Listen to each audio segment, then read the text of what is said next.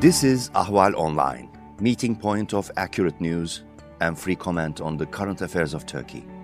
Welcome to our podcast series.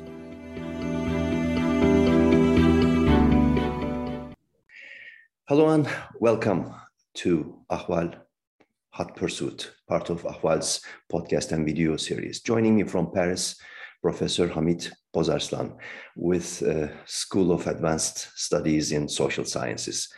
Good to have you, Hamit. Nice to have you. Uh, today, we have a hot topic to discuss and hear your views about. Uh, that is the sort of, you know, multi-layered crisis. One part with all with Turkey as epicenter. One is the, of course, the the the escalating crisis within NATO, uh, with Turkey as epicenter, squeezing Finland and Sweden to a corner, and also indirectly pushing the United States into concessions on certain conditions, lifting of or easing of the embargoes, and also declaring PYD YPG, the, the Kurdish militia in Syria, known for its battle against ISIS, uh, declared as terrorist organization, part of or linked with PKK, and also uh, regarding Sweden and Finland, uh, extradition of certain uh, PKK or, or dissident elements from these countries to Turkey. But second level is, of course, which is much more uh, imminent and serious than, than that, is the uh, declared potential incursion onto Syrian soil. If some other reports are true, even uh, enhanced operation onto Iraqi Kurdistan. This is uh, where we are at today, as of today. This is 1st of June, uh, Wednesday. Uh, President Erdogan repeated again uh, his troops' readiness to enter Syria. And uh, if you read into his words, the operation seems imminent. This, uh, of course, poses lots of questions, but I think the main question that should be, you know, we make us pay attention to is the how you read into this uh, new situation with Turkey as epicenter. How serious is the is the um, potential incursion onto Syria and what this means for the uh, international politics in crisis at the moment? Uh, I think that the first point to be uh, taken into consideration uh, is that Turkey is playing its capacity of blacklisting and blackmailing as the only power that it has. Um, and in a very tense uh, international situation with the war in Ukraine uh, and with uh, the clear-cut uh, positions uh, of the Western democracies against Russia. Uh, in this perspective, the, this power of blackmailing is a limited power. It does not mean that Erdogan will not be able to enter in the Rojava in the Syrian Kurdistan, um, will not be able to destroy the Kurdish autonomy in the Kobane uh, region, uh, which was symbolically a very important region. Uh, it does not mean not either that it will not be able uh, to challenge Americans uh, in this field. Uh, but and I think that we should also remember that the crisis with the NATO is a double crisis. First of all, the, United, the Turkey does want the Americans to change their entire foreign policy in the Middle East, but they ask also Finland and Sweden and other democracies to cease to be democracies and to follow the autocratic rules of, uh, of Turkey. And there is a second uh, dimension in the NATO crisis, that's of course the crisis with Greece. And all that makes a lot of uh, the military victory in Syria, if, it, if the incursions take place, does not mean that Erdogan will win the tactical uh, mm, victories may, might be possible, but the strategic victories is not are not possible because I think that Turkey is not more able to have any kind of strategic thinking and any kind of strategic uh, projection in the future. But there must be an end game uh, in the whole, you know, setting. Uh, after all, there must be an end game of Erdogan. What is this? A lot of people have divided views about this. Uh, certainly, for example, in a debate in Sweden, uh, some debaters think that these are serious conditions that should be taken into account, whereas some other parts uh, agree that this is this has nothing to do with Sweden or Finland. These conditions they have uh, directly to do with Erdogan's burning desire to be accepted as an equal counterpart by President Biden, and uh, also uh, indirectly or you know as part of it by the Congress, which is rather hostile to, to Erdogan right now. And also the regarding the end game overall debate outside Sweden and Finland in the United States or, or elsewhere is that uh, there is, of course, a domestic political dimension of it, but also uh, looking at the patterns of the past maybe 10 years, Turkey is uh, not only flexing the muscles once more, but attempting to uh, find a place where uh, it will be one of the major decision makers of the regional security architecture as well as NATO's uh, uh, enhanced, enhanced enlargement plans and also the, the overall uh, security architecture. How do you see this, these, these discussions? Where do you find yourself in this, in this uh, overall debate?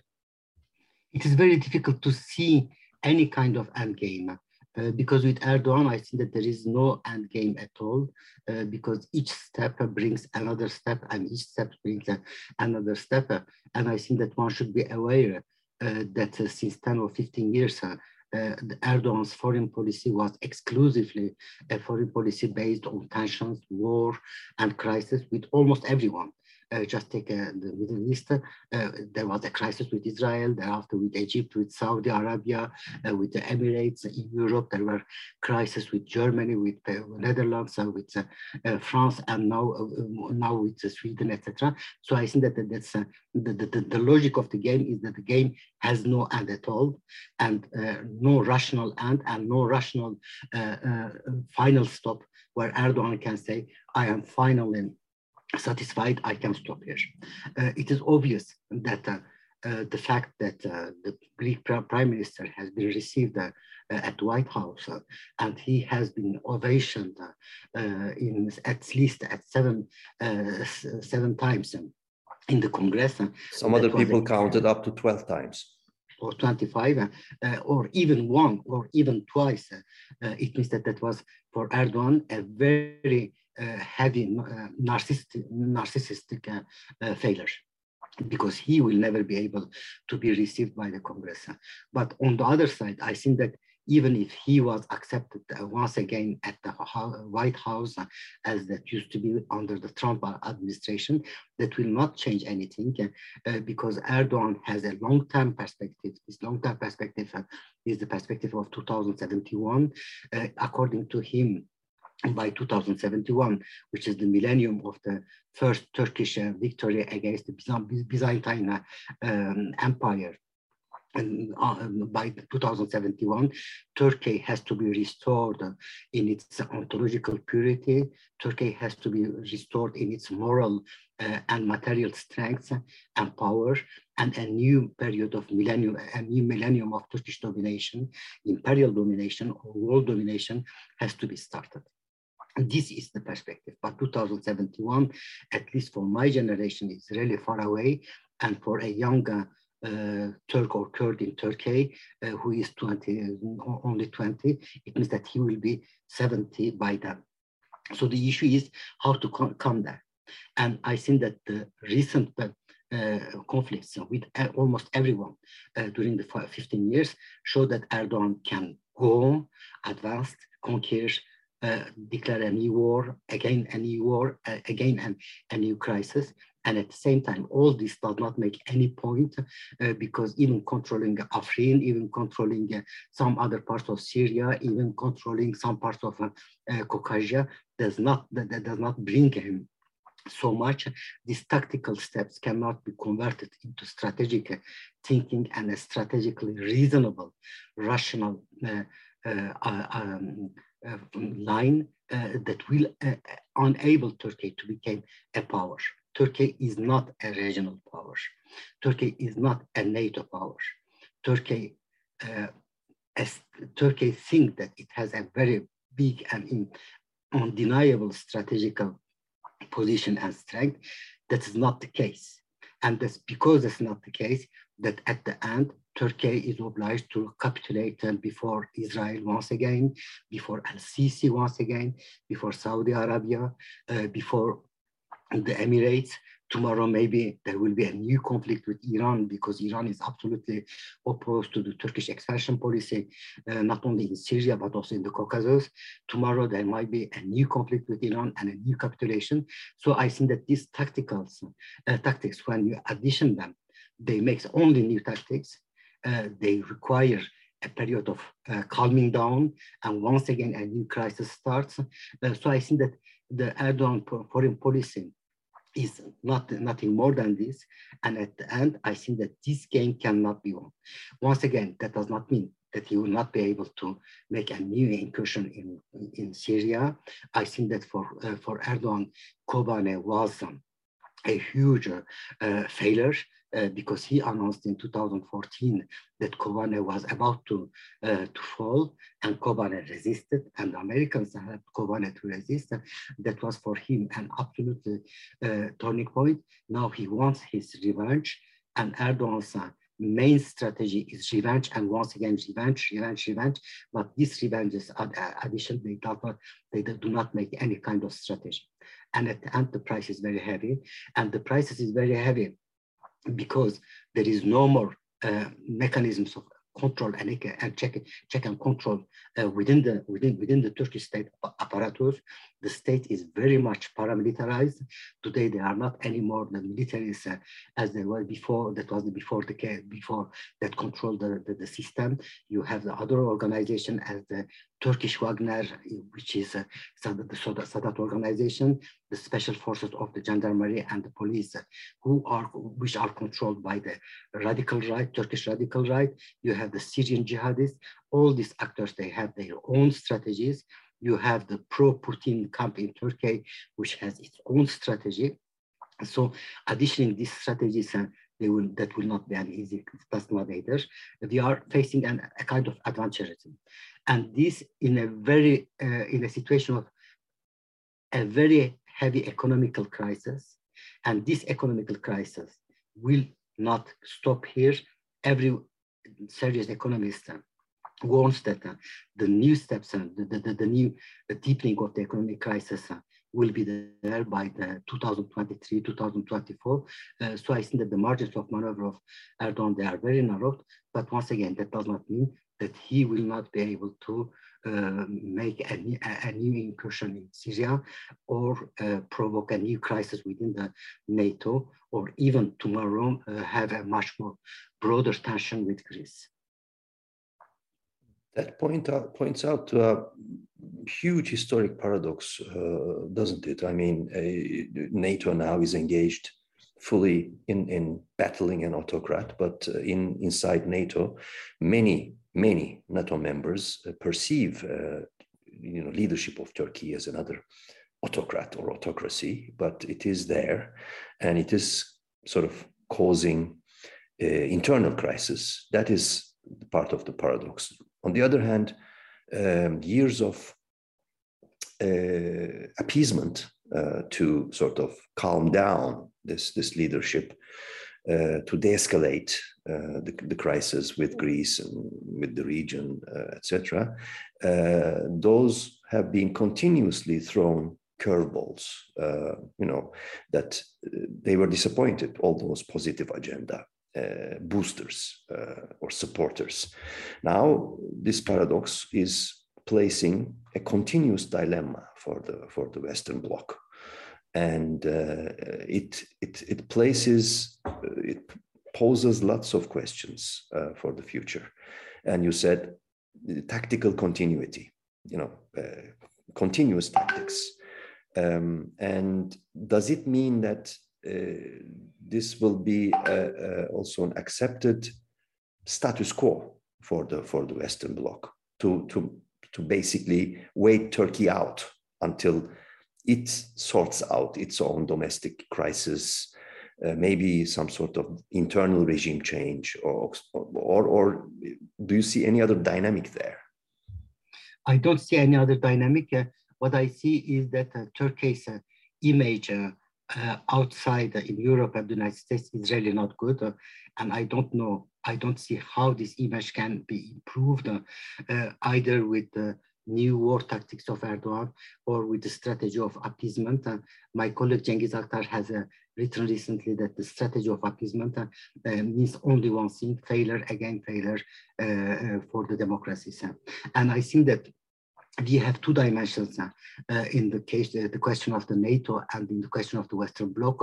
on one side, of course, we have the Western Bloc or the so-called Western Bloc and Erdogan. when you read his entire uh, written work or oral work, uh, his statements, his speeches since 10 or 15 years, he is basically anti-Western.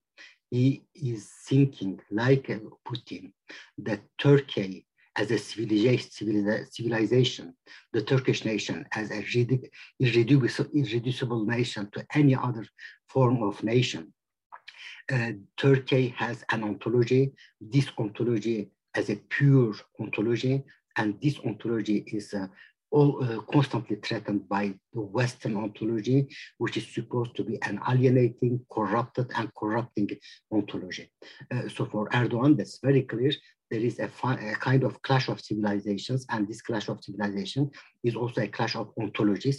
And from that point of view, I think that uh, you can read them really in parallel what Putin says about the West and what uh, Erdogan says about West. And that does mean also that they do not, neither Putin nor Erdogan, they really do not know the Russian and the Turkish history. Uh, when you take the Turkish history, uh, if there were not uh, France and Germany uh, and, and Great Britain, Turkey would have been disappeared from the map in 1853 during the Crimean War and 1876-77 during the war with Russia. Uh, that's the one point. But at say, uh, on, on, the other side, as Klaus Mann said about, uh, about Nazi Germany, when the Nazis said all this is about the Jews, Actually, they meant all this was about the enlightenment and democracy. When Erdogan says the Western countries, the Western bloc, in reality, what he means is not exactly the West, but it's a democratic system. That's also very much true for Putin. What Putin understands by West is the democracy. And both leaders, they understand themselves, their model as the viral uh, anti-liberal, anti-democratic alternatives to the Western democracies. And I think that's why we should ask the question of the struggle between the democracies and the anti-democracies.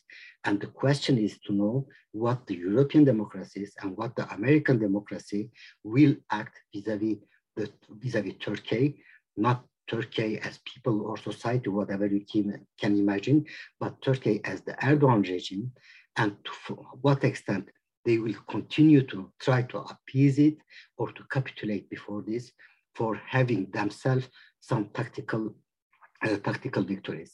We know history teaches us that that's not possible. We experienced it in the 1920s, 1930s. Just remember what happened in the Spanish War.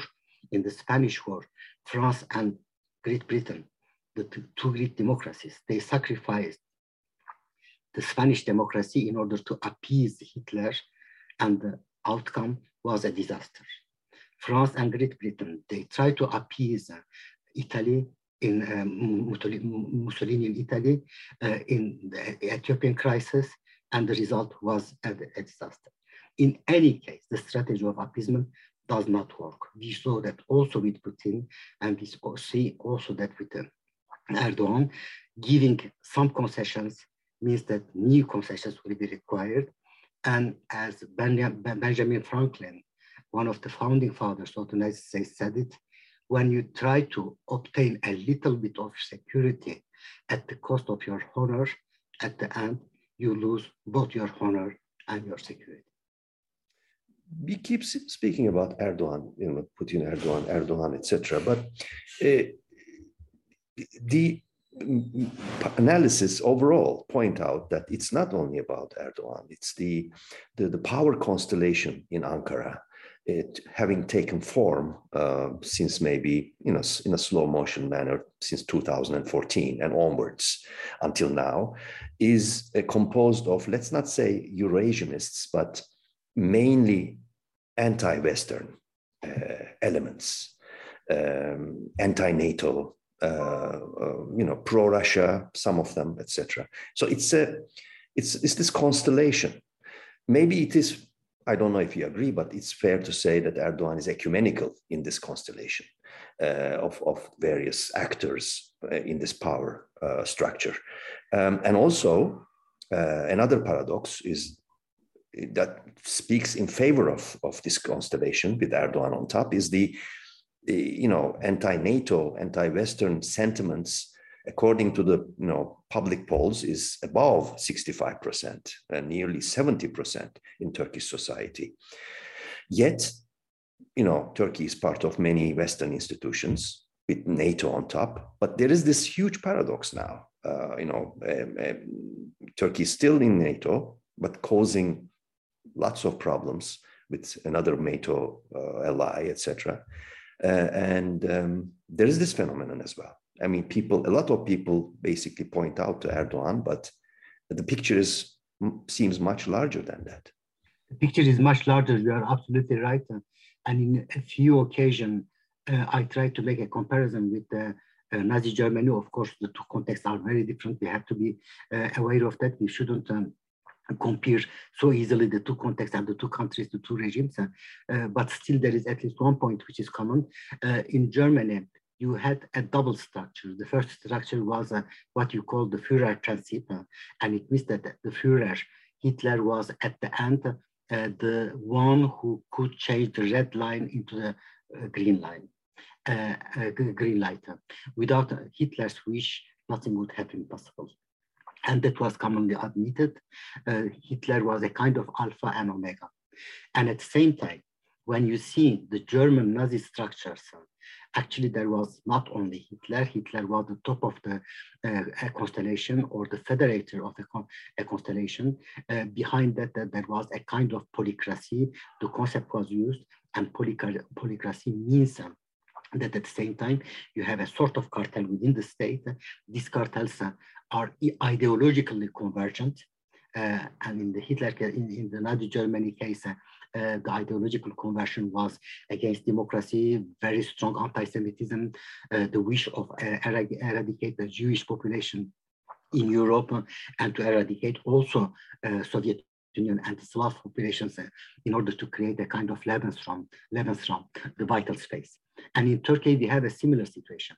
On one hand, Erdogan is the alpha and omega. I think that we cannot deny that without his will, or his accord, his acceptance, nothing will be possible. But at the same time, Erdogan is definitely not the only one. You mentioned uh, the pro-Putin uh, forces in Turkey. Uh, don't forget that you have a, a very strong anti-Western Kemalist tradition in Turkey.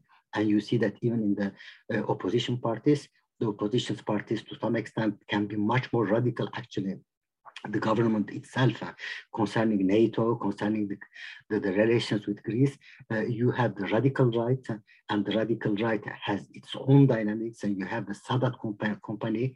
Uh, this uh, paramilitary structure is both ultra-nationalistic and ultra-Islamistic. So I think that you are absolutely right that there is a kind of coalition, and the fact that this coalition, the different components of this coalition, radicalize each other, makes the situation even worse than if let's let's say uh, under a dictatorship classical authoritarian tyranny. We are not uh, facing a classical authoritarian tyranny. Uh, the American uh, social scientist and social political scientist Charles C. Tilly uh, used at once the concept of the fragmented tyranny and we are facing in Turkey too, and not only in Turkey, a fragmented tyranny, which is federated by one person, but this tyranny is a much has a much broader uh, social basis. This uh, brings us to one final question, uh, uh Hamit. Let's uh, end with where we started, um, with the Syrian uh, potential incursion or imminent incursion onto Turkish armed uh, by the Turkish armed forces. Um, many uh, in among the Kurdish diaspora, uh, both in Europe and also small diaspora in North America, as well as in the region, uh, they are increasingly worried about uh, the emerging situation uh, very complicated and uh, with the United States, NATO, Turkey at the epicenter, uh, uh Scandinavian countries sort of uh, stumbling, uh, etc. And also um, the unknowns in, in, in, the Syrian and Iraqi Kurdish parts in terms of military future of, of, of battles, etc. Um, the worry, the concern is, of course, about whether or not once more the Kurds will be, quote unquote, abandoned, left out, wasted uh, in this in this turbulence. Do you agree with those? Uh, do, do you share those concerns? I, I do share these concerns, but at the same time, I will not make any kind of prediction concerning the future. Uh, we know what happened, for instance, in 2017. Afrin has been uh, absolutely sacrificed by Putin, not because Putin had anything against the Kurds. Uh, the Russian administration repeats again and again that uh, the Kurds ha should have their national rights in Syria, but Afrin has been sacrificed uh, because uh, the Russian the Russian government wanted to bomb Aleppo. Uh, and uh, Turkey was a kind of obstacle for this. sacrificing Afrin was meaning um, for Russia, um, was meaning for Russia to, to win, uh, to win Aleppo and to control large sector of, Turkey, of Syria. 2019, that was the capitulation of Trump administration, uh, and Biden was uh, absolutely upset, uh, outraged by this um, this capitulation. Uh, what will be the case tomorrow? It's very difficult to know. There is no American presence in the Kobane region, uh, not even in the Manbij region, actually. Uh, these regions are controlled by Russia. And for Russia, uh, provoking, uh, deepening the conflict between Turkey and uh, NATO is absolutely central. So they might be allowed uh, they, they, they might be tempted to allow Turkey to make such kind of uh, incursions. Uh, so that's concerning the, the, the, the, great powers, let's say. Uh, I am not sure that the Americans will allow Turkey to intervene in the east of Euphrates where there is American military presence. And I am not sure that Turkey will dare to organize an attack, at least for uh, but beyond uh, these uh, great powers, we have also small powers or regional powers. And everything shows uh, today that the Iranian strategy is absolutely contradicting Turkish ambitions. That does not mean that Iran will be able to stop um, a Turkish incursion, uh, but we know by the past that Iran could uh, help also the PKK members uh, in Iraq. Uh, and uh, recently, you hear that every day there is one or two, two Turkish soldiers killed in Iraq. Uh, by the in, during the incursions against PKK. Uh, so what will be the strategy of uh, Iran? That's very difficult to know, to, to, make some um, mm, predictions about that. What will be the will of Bashar al-Assad? because don't forget that Syria is mutilated. And today, uh, some parts of Syria are controlled by, by Turkey. Will Bashar al-Assad, which have, who has not so much margins of maneuver, accept that there, there will be, that, that there is a still, a, still a new presence of uh, uh Turkish military in his country, uh, that it means that the, a new part of Syria will be mutilated by the, uh, by the acceptance of Putin. so all these questions have to be asked, but I have really no, no answer, at least for a while being. Okay, let's leave it here. It's a complicated matter and uh, needs to be discussed and analyzed further, of course. Um, Professor Hamit Bozarslan joined me from Paris. Professor Bozarslan is with the School of Advanced Studies and Social Sciences, uh, shortly called EHESS. Thank you for this conversation, Professor Bozarslan. Thank you for having me. So this is the end of um, Hot Pursuit. So we will uh, meet again in another discussion about an hot topic. Bye.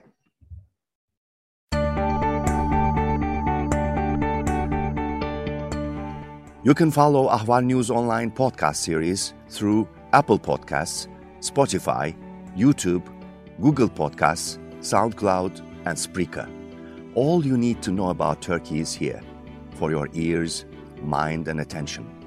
Thank you for listening to our podcast.